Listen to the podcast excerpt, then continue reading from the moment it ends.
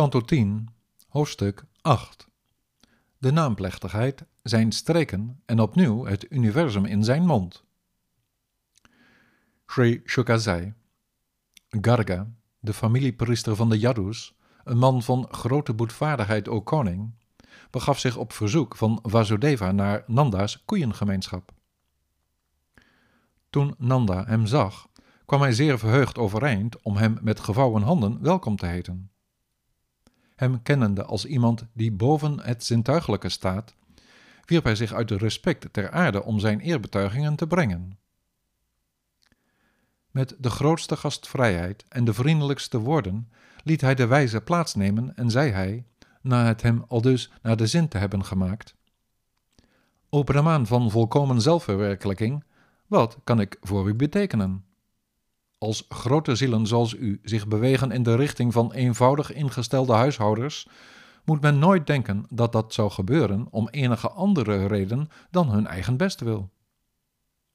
U bent de auteur van een boek over de bovenzinnelijke kennis van de beweging van de hemellichten, aan de hand waarvan een ieder rechtstreeks kennis kan nemen van de reden en gevolgen van zijn lotsbestemming. U, de beste van de kenners van het Brahman, bent een Brahmaan die door zijn geboorte een geestelijk leraar is voor de hele samenleving. Wilt u, nu u hier naar mijn huis bent gekomen, alstublieft de heilige plechtigheid uitvoeren voor deze twee jongens? Sri Garga zei: Iedereen weet dat ik de leraar van het voorbeeld van de Yadus ben. In deze wereld voer ik altijd het zuiveringsritueel uit voor iedere zoon van die familie. Als ik voor u deze zuiveringsriten uitvoer, zou men uw zoons beschouwen als de zoons van Devaki. Kamsa, die grote zondaar, is op de hoogte van uw vriendschap met Vasudeva. Ook weet hij van het feit dat het achtste kind van Devaki niet een meisje kan zijn, terwijl hij hoorde dat Devaki een dochter kreeg. Hij zou om die reden kunnen overwegen deze kinderen ter dood te brengen, en daarom is het voor ons niet verstandig dat te gaan doen. Sri Nanda zei: Voer dan alstublieft, zonder dat hij of zelfs maar mijn verwanten er weet van hebben, nu hier ter plekke op deze afgezonderde plaats in de koeienstal het zuiveringsritueel uit voor de tweede geboorte door de zegenende woorden op te zeggen. Sri Shuka zei. Al dus er dringend toe verzocht, voerde de geleerde man in geheime afzondering de naamgevingsplechtigheid voor de twee jongens uit waarvoor hij was gekomen. Sri Garga zei: Hij hier, de zoon van Rohini, is er met zijn bovenzinnelijke kwaliteiten voor het genoegen van al de zijnen. Daarom zal hij de naam Rama dragen. Ook zal hij, vanwege zijn buitengewone kracht, bekend staan als Bala en zal hij, omdat hij niet los van de Yadu staat, tevens Sankarsana heten, de samenbrenger. En hij hier, de zoon van Yashoda, is naar gelang de Yuga verschenen in gedaanten met een rode, een witte en een gele kleur. Nu is hij Krishna, donker van kleur. Dit kind kwam voorheen elders ter wereld uit de lendenen van Vasudeva, en daarom zullen zij, die hiervan op de hoogte zijn, over uw kind spreken als de glorieuze Vasudeva. Er zijn vele gedaanten en namen bekend van uw zoon, overeenkomstig de kwaliteiten en handelingen van zijn verschijnen. Ik ben daarvan op de hoogte, maar de gewone man weet het niet. Dit kind zal in zijn rol als een Nanda Gokula koeherder altijd doen wat voor jullie allen het beste is. Met zijn hulp zullen jullie zonder moeite alle gevaren te boven komen. O koning van Vraja, in het verleden, toen er eens een fout regime heerste, heeft hij de vrome zielen beschermd die werden verstoord door schurken, zodat zij, met die kwade elementen verslagen, konden floreren. Net zoals zij die trouw zijn aan Vishnu niets te vrezen hebben van de Asura's, zullen ook zij die het geluk hebben om met dit kind om te gaan in liefde en genegenheid, niet door vijanden worden overweldigd. Onanda, draag daarom nauwgezet zorg voor de opvoeding van dit kind. Qua kwaliteiten, rijkdom, naam en faam is deze zoon van u zo goed als Narayana.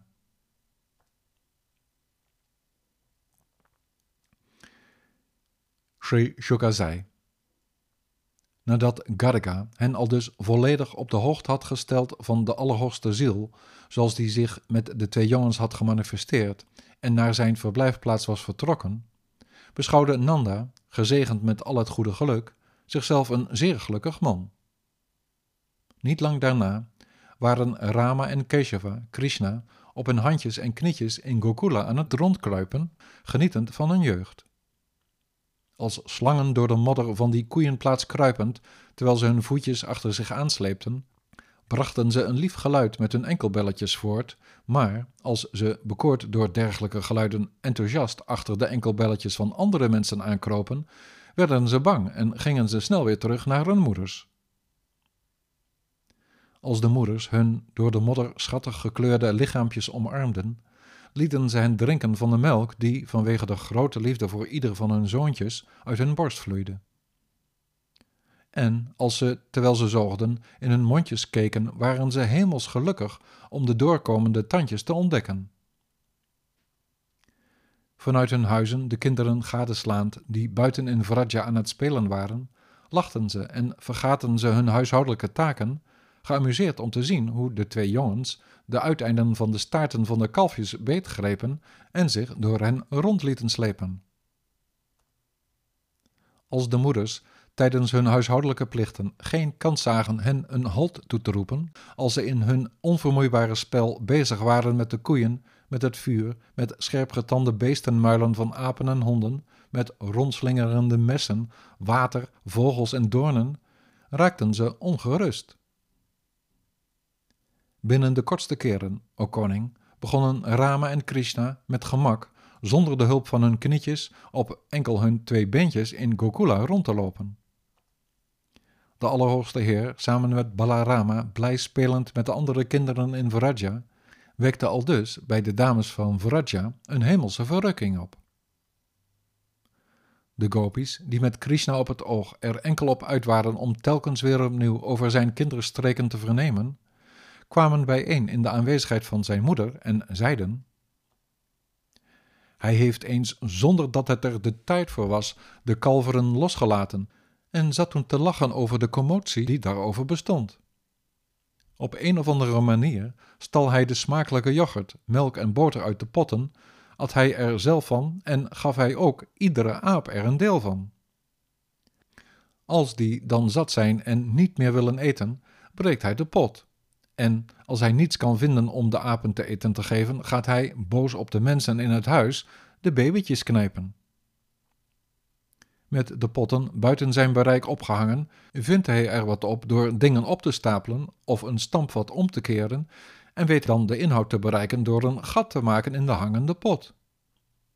Hij wacht totdat de kopies druk bezig zijn met hun huishoudelijke bezigheden en slaagt er dan in met het nodige licht van de stralende juwelen op zijn lichaam, zijn weg te vinden in een donkere kamer. Hij is zo stout dat hij soms zomaar een plas doet op een schoon plekje in onze huizen, en die slimme, vindingrijke dief zit daar nu als een lief jongetje.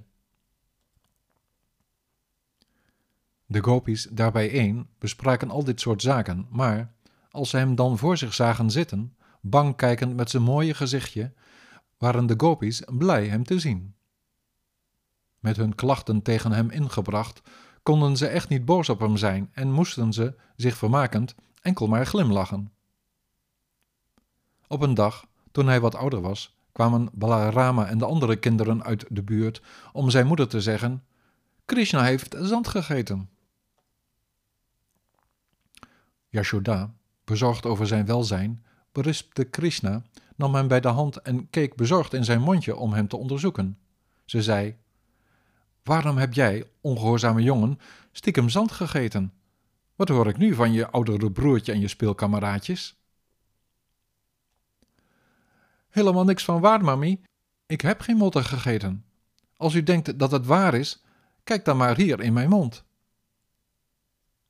Doe je mondje dan maar eens wijd open als dat zo is, droeg ze hem op, en hij, de allerhoogste persoonlijkheid, de Heer wiens wilde onbegrensd is, opende toen in zijn spel als een mensenkind zijn mond. In zijn mond zag ze voor de tweede keer het hele universum met alle bewegende en niet bewegende levensvormen, de hemel in alle richtingen, de bergen, de continenten, de oceanen, het oppervlak van de aarde, de waaiende wind, het vuur, de maan en de sterren.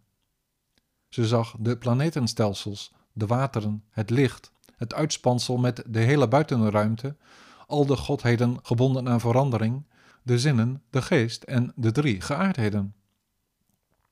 Met al die zaken voor ogen, samen met de tijd van leven van iedere ziel, de natuurlijke instincten, het karma, wat er zoal begeerd wordt, de verschillende subtiele lichamen, als ook Vraja en haarzelf, binnen in de wijd open mond van het lichaam van haar zoontje, stond ze versteld, vol ongeloof. Is dit allemaal een droom, een waanidee van God of misschien een drogbeeld van mijn eigen intelligentie? Of zou dat wat ik zie anders een of ander yoga-fenomeen zijn dat eigen is aan mijn kind?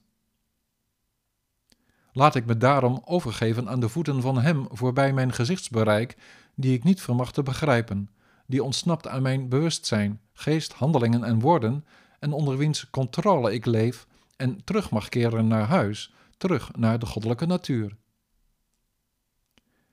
Met het idee dat ik van mezelf heb als de vrouw van deze echtgenoot met die zoon, als de koningin van Vraja die alle wilde zou bezitten en gezag zou hebben over al de gopis en gopa's met hun koeien en kalveren, heb ik het helemaal bij het verkeerde eind, want alleen hij vormt mijn levensdoel. Toen moeder Yashoda al dus dit begrip van zijn werkelijkheid had gekregen, manifesteerde hij, de meester van de illusie, de machtige Heer Vishnu, voor haar weer de magie van de liefde voor haar zoon.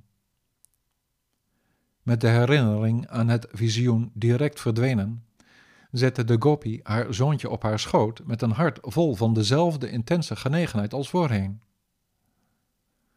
De Heer wordt verheerlijkt in al zijn grootheid met behulp van de drie Veda's, met filosofische oefeningen, met yoga-analyses en met andere toegewijde literatuur. Maar zij dacht simpelweg over hem na als zijnde haar zoon.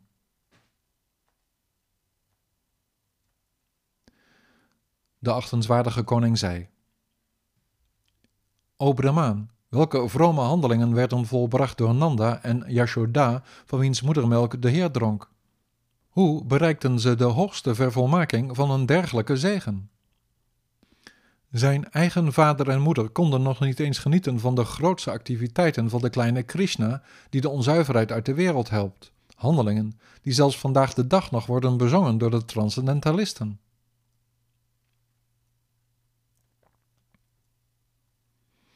Sri Shuka zei. Drona, de beste van de halfgoden, zei, vastbesloten om de instructies van heer Brahma uit te voeren, samen met zijn vrouw Dara het volgende tegen hem. Mogen wij, als we worden geboren op aarde, van toewijding zijn voor de hoogste godheid, de meester van het ganse universum, de Heer die het uiteindelijke doel is, dankzij wie men met gemak een ellendig bestaan kan vermijden. Het zij zo, luidde het antwoord dat Brahma gaf. Drona nam daarop zijn geboorte in Vraja en werd de grootheid, de Bhagavan voor Bhagavan, de hoogstaande en gevierde ziel Nanda, en zij, Dara, verscheen als Yashoda. O zoon van Bharata, als gevolg daarvan was er van de kant van zowel de echte lieden als van al de gopa's en gopis de constante liefde van de toegewijde dienst voor hem, die was verschenen als hun zoon, de Heer die in ieder het beste toewenst. Ter bevestiging van de woorden van Brahma verbleef Krishna toen samen met de almachtige Balarama in Vraja om tot ieders grote vreugde gestalte te geven aan zijn spel en vermaak, zijn lila.